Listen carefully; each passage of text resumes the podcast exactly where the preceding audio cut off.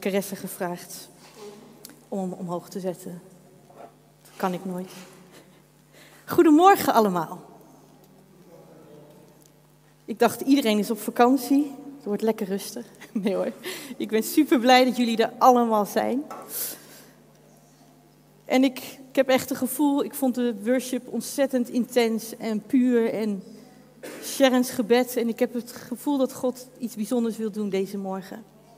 En al aan het doen is. Ik las laatst ergens de. Oh nee, dit is een hele andere, joh. Nou, dit is ook heel bijzonder, toch? Amen. Lijkt Gilbert wel, die had het naast ook. Ja, ik heb hem. Wie kent nog dat gevoel van vroeger als kind? Je was aan het spelen, vadertje of moedertje, of iets heel anders wat je heel cool vond. En daar als jong mensje, dan kwamen er al gedachten bij. Later, als ik groot ben, dan. Later, dan zal alles veranderen. Later dan word ik wat ik altijd hoopte te gaan worden. Als er dit en dat gebeurt, dan zal ik echt gelukkig zijn. En de titel van mijn overdenking van vandaag is ook later, als ik groot ben. Vorige week heeft Gilbert de spits afgebeten van onze nieuwe serie van de bergreden, waar we de komende weken met elkaar willen induiken. En wat een mooi begin. Jezus die de toon van zijn preek zette met zijn tekst Zalig de armen van geest, want van hun is het koninkrijk. En Gil legde zo mooi uit dat dit te de tendens was die Jezus wilde duidelijk maken. Aan alle gelovigen die daar zo enorm zwoegend bezig waren om zich als een malle aan de wet en aan al de geboden te houden en dat probeerden zo goed mogelijk te doen. En dat hij daar, Jezus, tegen deze mensen startte met deze woorden.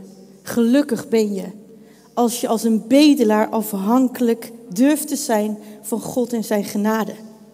Gelukkig als je het lef hebt een loser te zijn, want dan pas zul je een overwinnaar worden. Ik vond het zo mooi. Wat een begin van deze nieuwe reeks. En vandaag ben ik aan de beurt en gaan we naar de tekst die daarna komt kijken. Matthäus 5, vers 4. Gelukkig de treurende, want zij zullen getroost worden. En deze tekst gaat eigenlijk verder en is heel nauw verbonden aan de tekst van vorige week. Het zijn de armen van geest die gelukkig zullen zijn als ze niet alleen beseffen dat ze arm van geest zijn, dat ze niet zonder God kunnen doen, maar dat ze er ook om treuren. Dit gaat dus eigenlijk een stapje verder.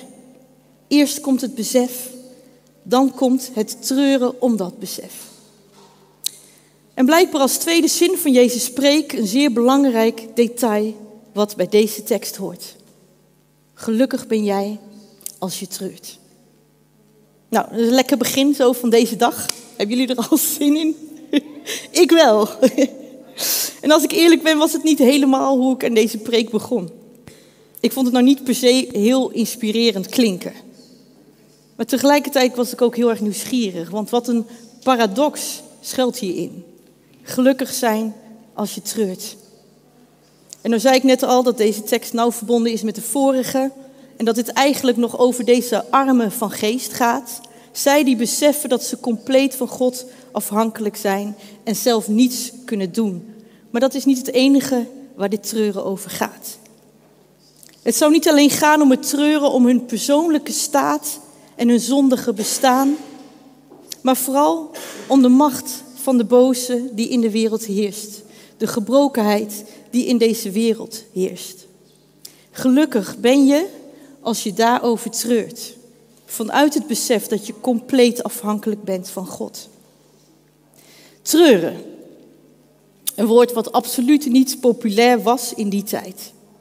Een woord wat ook absoluut niet populair is in ons christelijke wereldje van deze tijd. Dit woord schuurde bij de gelovigen toen al, in die tijd waar Jezus sprak. Want wat waren ze bezig met andere dingen? Hoezo treuren? Er waren dingen die veel belangrijker waren. Hoe kunnen we ons geluk verdienen? Hoe kunnen we zorgen dat we ons uit onze naad werken, dat we blij en gelukkig worden? Zo blij met de geboden en de wet, wat ze zomaar klakloos konden opvolgen, om het allemaal maar zo goed mogelijk te doen, om erkenning te krijgen, met als hoogste doel om gelukkig te zijn. En dan komt Jezus vandaag met deze woorden.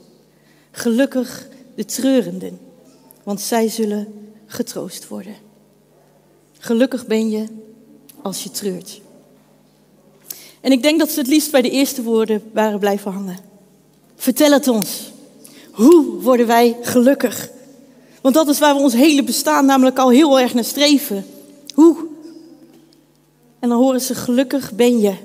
En ze hingen aan zijn lippen. Gelukkig ben je als je. En Jezus zegt dan de woorden. Als je treurt. Hmm. Ik denk dat dat niet helemaal de tekst was waar ze op hadden gehoopt. Of waar ze wat mee konden.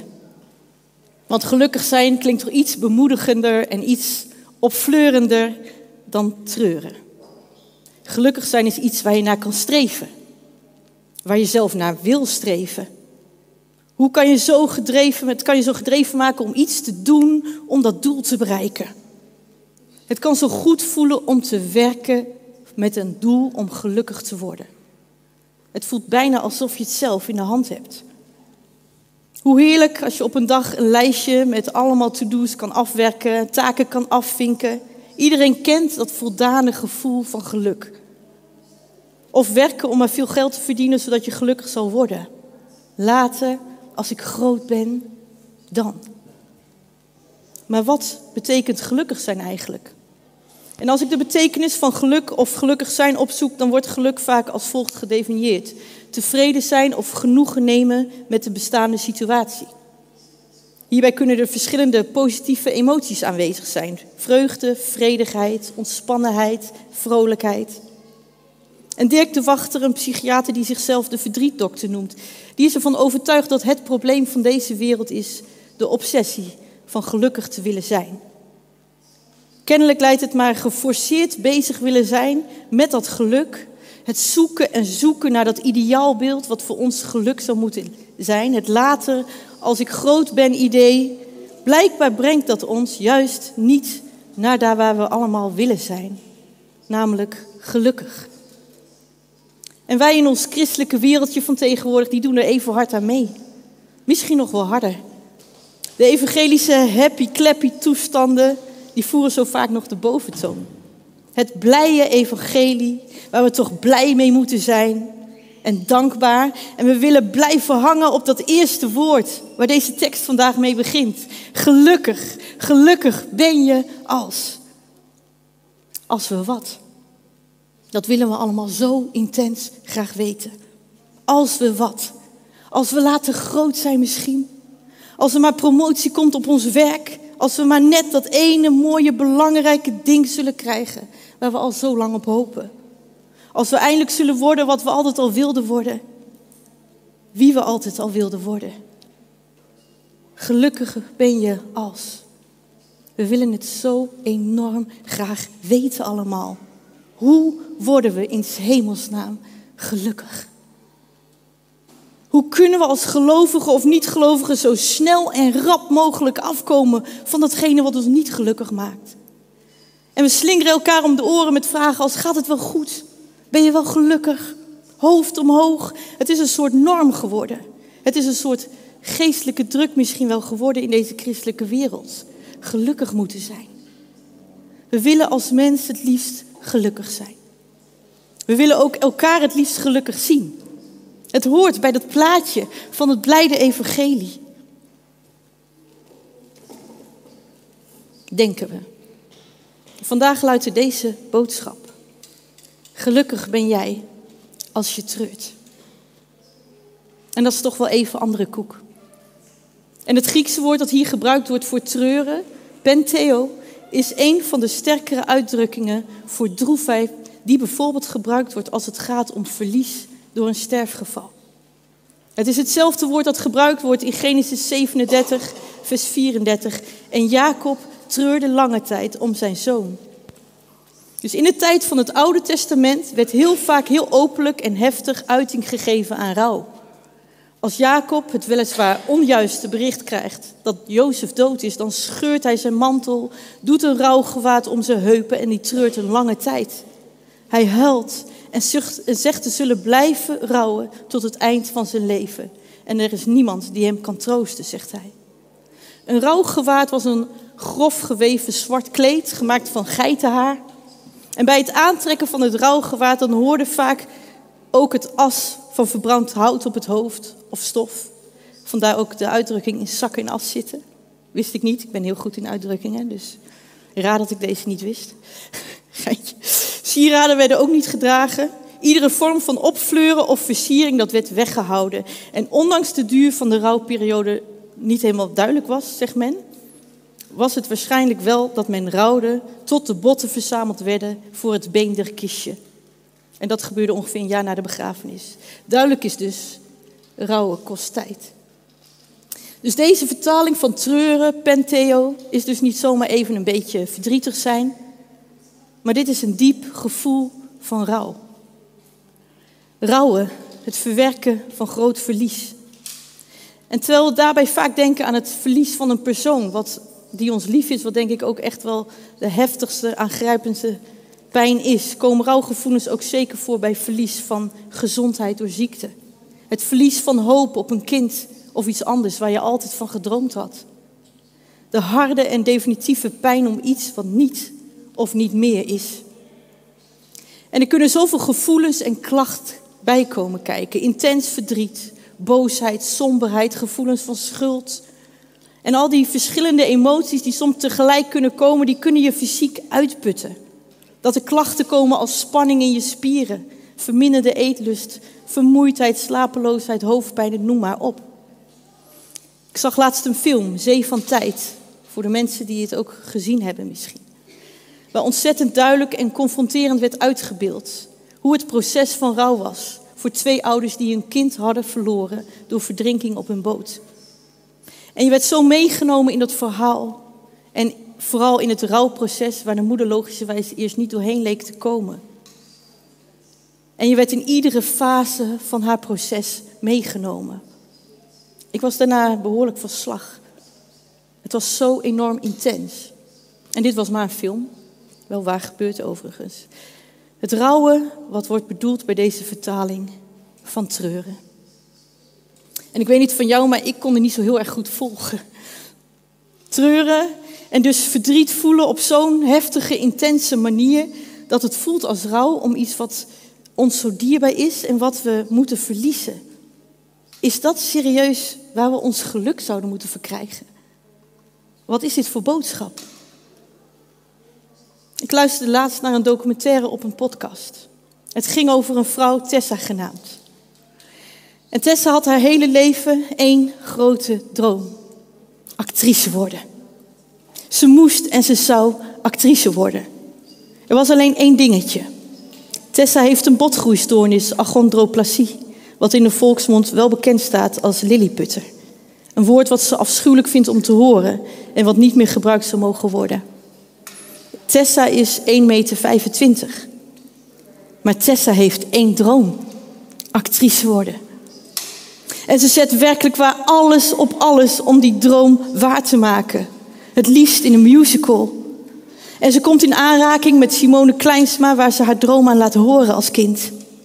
En als iemand haar vraagt hoe ze musicalster kan worden met haar groeibeperking, dan zegt ze dat kan. Want Simone Kleinsma heeft gezegd dat ik ervoor moet gaan en dat ze anders maar een musical speciaal voor mij moeten maken.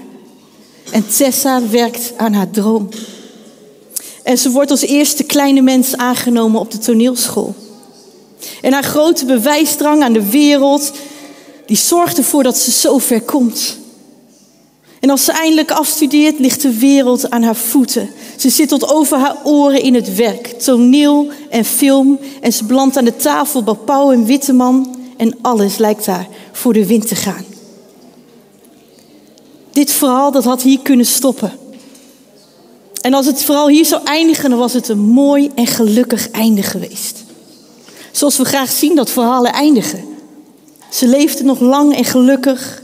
Het was een ongelooflijk succesverhaal geworden. Maar alles liep ineens iets anders dan gedacht. Want na ongeveer drie jaar, na dit succesvolle afstuderen, is Tessa op reis voor haar werk. Haar werk wat haar alles was. Het was haar bewijs van bestaan. Ze wilde bewijzen aan iedereen, zie je nou wel, het is me gewoon gelukt. En alleen zijn, dat ging ze zo uit de weg. Want ze durfde niet zo goed alleen te zijn. En ze was overtuigd, alles wordt ooit beter. Als ik maar hard genoeg werk, gaan mensen me accepteren. Als ik maar hard genoeg werk, dan ga ik erbij horen. En ten diepste dacht ze, als ik maar hard genoeg vecht en hard genoeg werk, dan zal ik lang worden.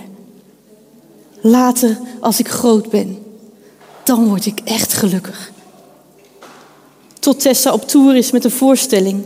En die avond komt ze alleen terug in haar hotelkamer. En Tessa die krijgt een paniekaanval. En ze kan niet meer. En ze wist ineens niet meer hoe ze de hele week nog moest doorkomen met haar werk.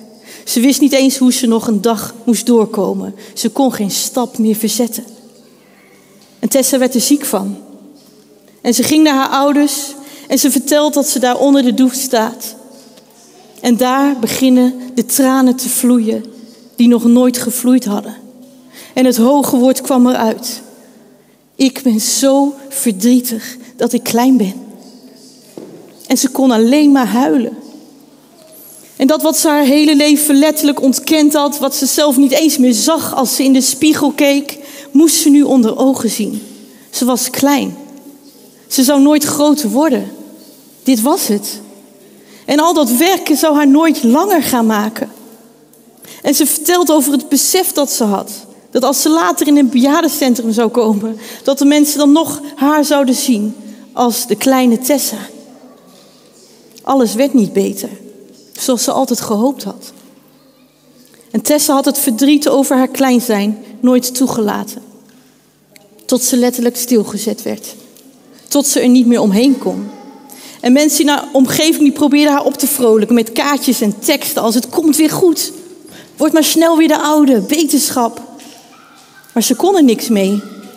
Want het haalde haar verdriet niet weg over iets waar ze om moest rouwen. Een verlies van een hoop die voor haar nooit werkelijkheid zou worden. Namelijk dat ze ooit lang zou worden. Dat ze bij de norm zou horen. Tessa had haar leven lang ontkend naar anderen en naar zichzelf. Dat ze een diep verdriet van binnen had. Een gevoel van rouw wat ze haar hele leven lang met zich meedroeg. Iedere blik dat ze anderen, die ze van anderen kreeg omdat ze er anders uitzag. Ieder gevoel van er nooit bij horen. Zou ze ooit een relatie kunnen hebben? Ze had het allemaal ver weggestopt. Een neiging die we misschien allemaal wel hebben. We drukken het verdriet het liefste weg. We willen pijn wegpoetsen, verbloemen met uiterlijkheden als sieraden, make-up, dure auto's, mooie huizen. En het liefst willen we dat als het even opkomt, dat we het zo graag zo snel mogelijk weer wegdrukken. Dat het weer weg is. Maar zoals een bal die je probeert onder water te drukken, komt hij altijd weer boven. Onophoudelijk, oncontroleerbaar. Zulk soort intens groot verdriet toelaten is zo enorm eng. Want het voelt alsof er niks meer van je overblijft. En het kan voelen dat we in een soort bodemloze put vallen waar we misschien wel nooit meer uitkomen.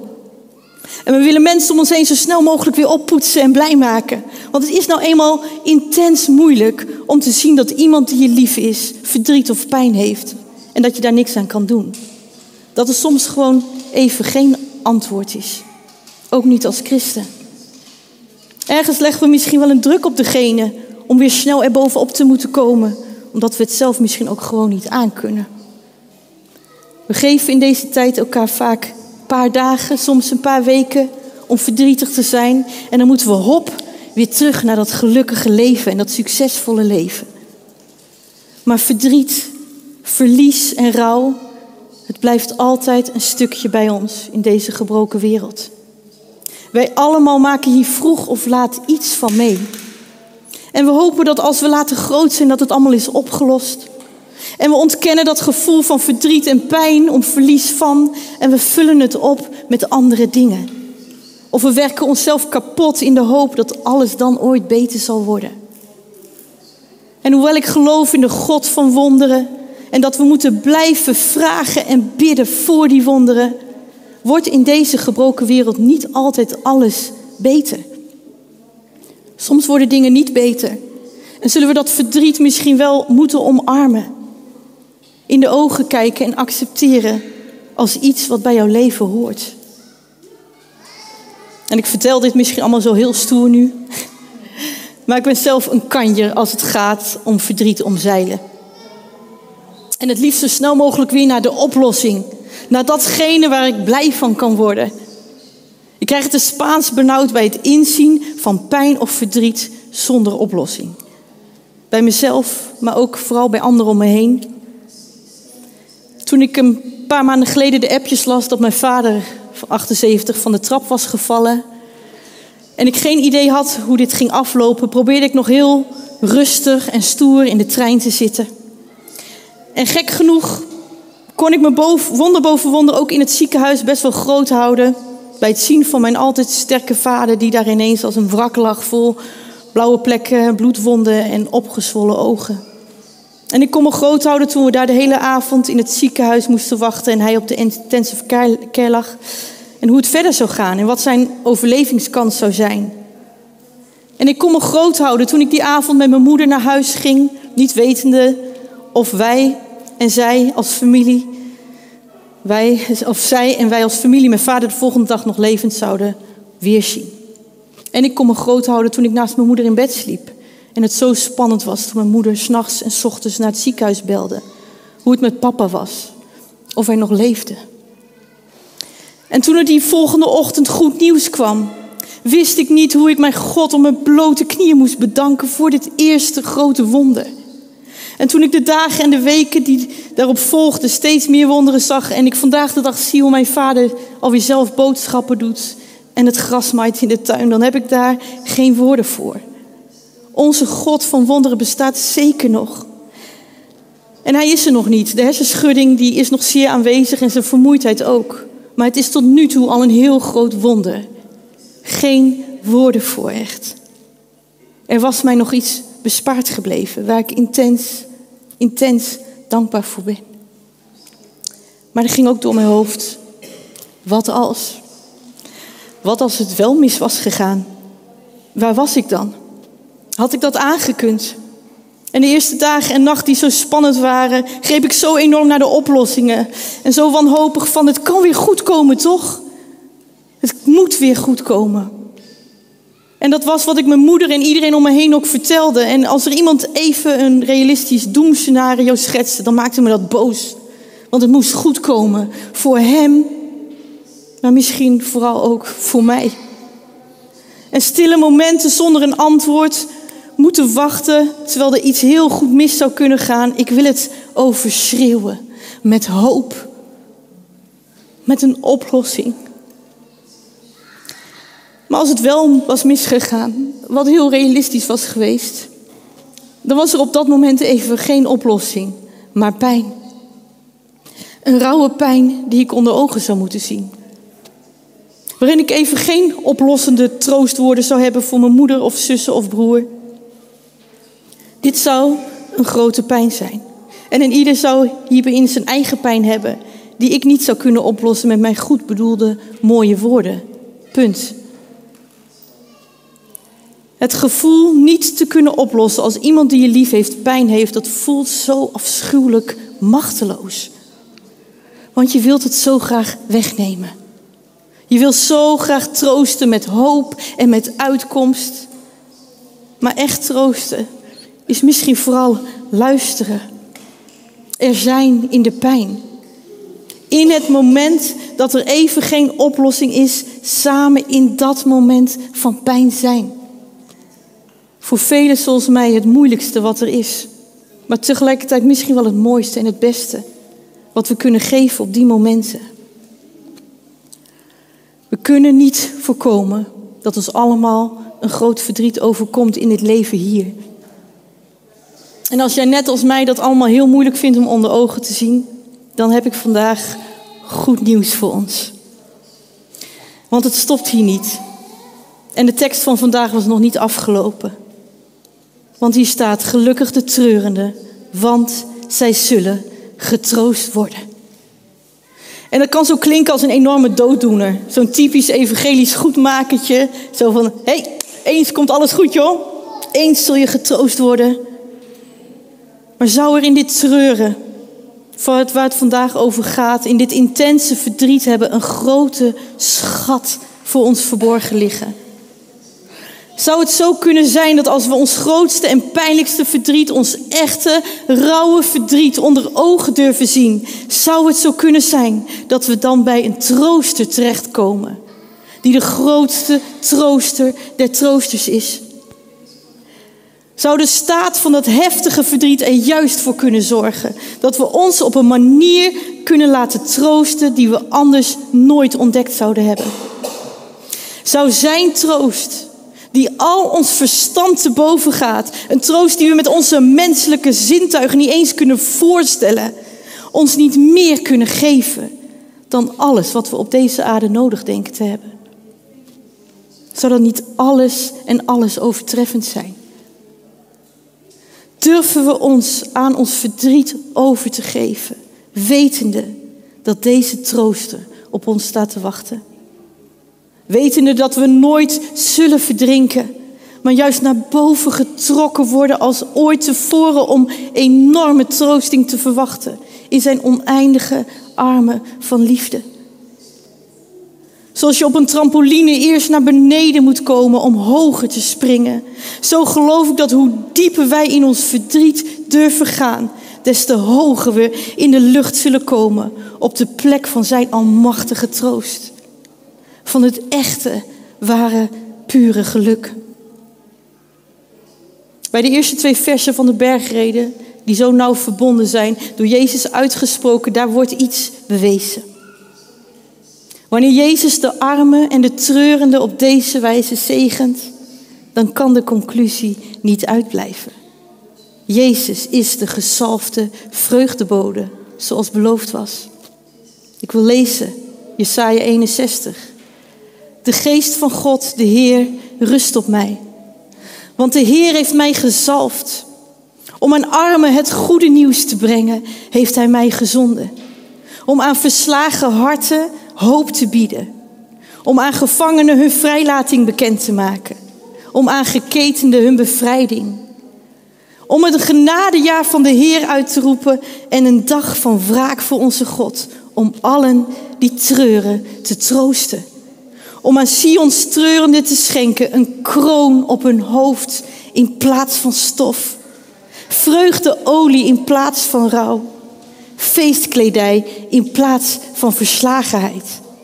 En in de Herziene Statenvertaling staat er dan een lofgewaad in plaats van een benauwde geest. Geen rouwgewaad, maar een lofgewaad. Geen as op je hoofd, maar een kroon. Geen rouw meer, maar overvloedige vreugdeolie. Alles wordt omgekeerd. Dit is onze belofte. Dit is een waarheid die staat als een huis. Dit is ons deel. En dit is geen opgepoetst geluk. Dit is geen schijnheilige evangelische glimlach. Dit is een pure vreugde die van binnenuit komt. Dit is het goede nieuws voor ons. Dit is het blijde evangelie. En het kan door stormen van verdriet gaan. En het kan voelen alsof we niet meer kunnen blijven staan. En het kan in ons leven misschien alles lijken te kosten wat ons lief is. Maar de vreugde en de troost zal zoveel malen groter zijn. Later als je groot bent, of nu het later is en je groot bent geworden dan is er één ding zeker. Je zult vertroost worden op ieder moment dat jij al jouw verdriet aan Hem over durft te geven. En het zal je meer geven dan waar jij ooit van gedroomd had. En ooit, ooit zal daar het grootste wonder, wonder van vertroosting zijn. Daar waar Hij al onze tranen zal drogen al jouw tranen in zijn kruik bewaard heeft zelfs. En iedere traan die hij kent, die kent hij in aantal. Die heeft hij opgeschreven in zijn boek, staat er. Iedere traan van jou is zo intens kostbaar voor hem. Ik geloof dat hij ieder moment heeft gezien. Dat jij alleen was misschien wel. En de tranen helden. En ik wil vragen of het worshipteam naar voren wil komen.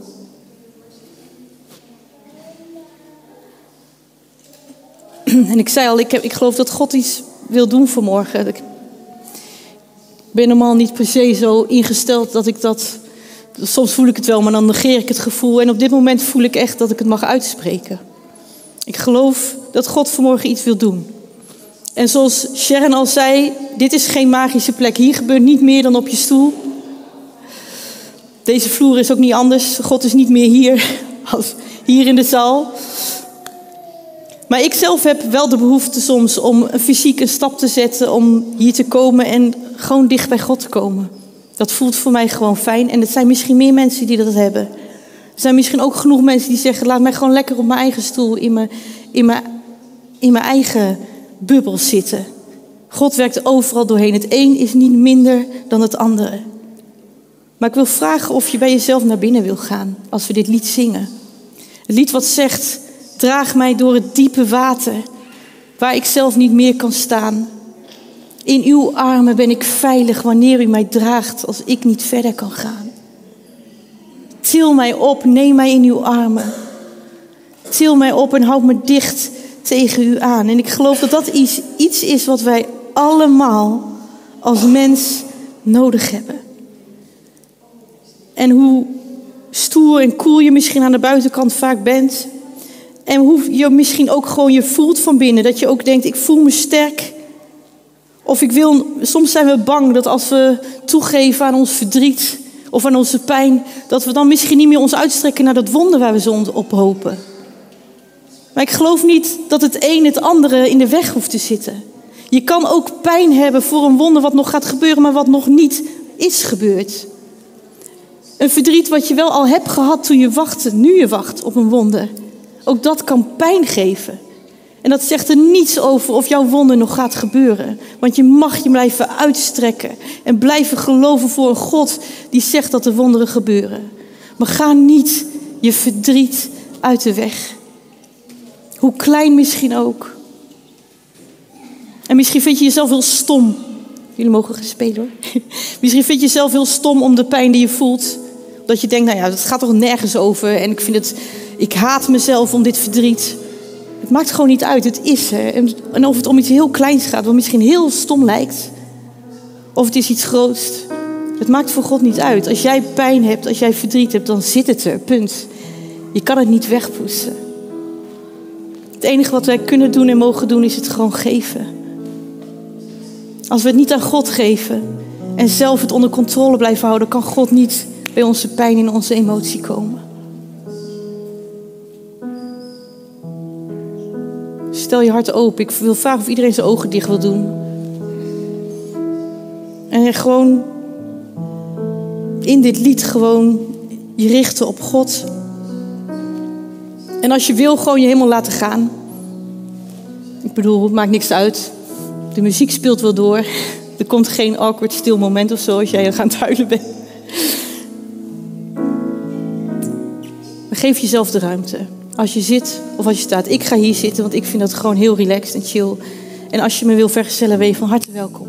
Maar als je dat niet wil, echt voel je gewoon goed bij wat je doet. Maar God is hier, overal, op iedere stoel, in de hele ruimte. En Hij wil je vertroosten. Hij wil je zijn liefde geven. Hij wil iedere veroordeling om jouw verdriet, iedere pijn, iedere schuld. Hij wil het van je afnemen op dit moment. Vader, en ik bid dat u komt met uw genade op dit moment, dat u ons hart opent. En daar waar misschien nog zo'n grote pijn zit, wat we zelf nog niet durven open te trekken of er nog niet aan toe zijn, dan bid ik dat we misschien een eerste stapje kunnen zetten. Eerste stapje naar u kunnen zetten met onze pijn.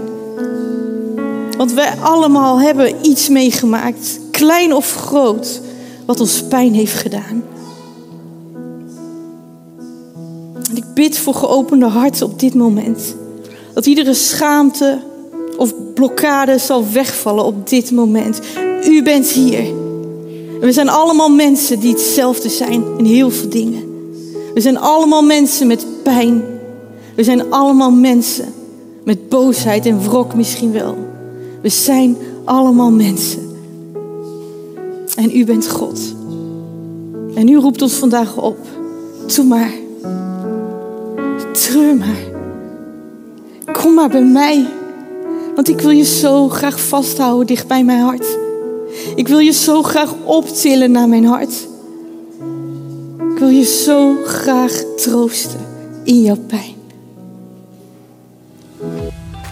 Hey Gilbert hier, bedankt dat je hebt geluisterd naar de podcast van Reconnect Community Church. Ik hoop en bid dat je er niet alleen door bent bemoedigd of geïnspireerd, maar dat deze uitzending jou ook weer meer heeft mogen wijzen naar Jezus en zijn liefde, genade en trouw voor jou en voor mij. En als jij, net als wij, ook enthousiast bent over deze podcast, dan kan je ons helpen door je te abonneren op ons kanaal en deze overdenking te delen met vrienden en bekenden. Mocht je ons ook financieel willen ondersteunen, dan kan dat via reconnect.cc/geven. Je helpt ons dan om dit te blijven doen, zodat wij mede dankzij jouw steun mensen kunnen blijven bereiken met het goede nieuws van Jezus. Bedankt voor je betrokkenheid en je support.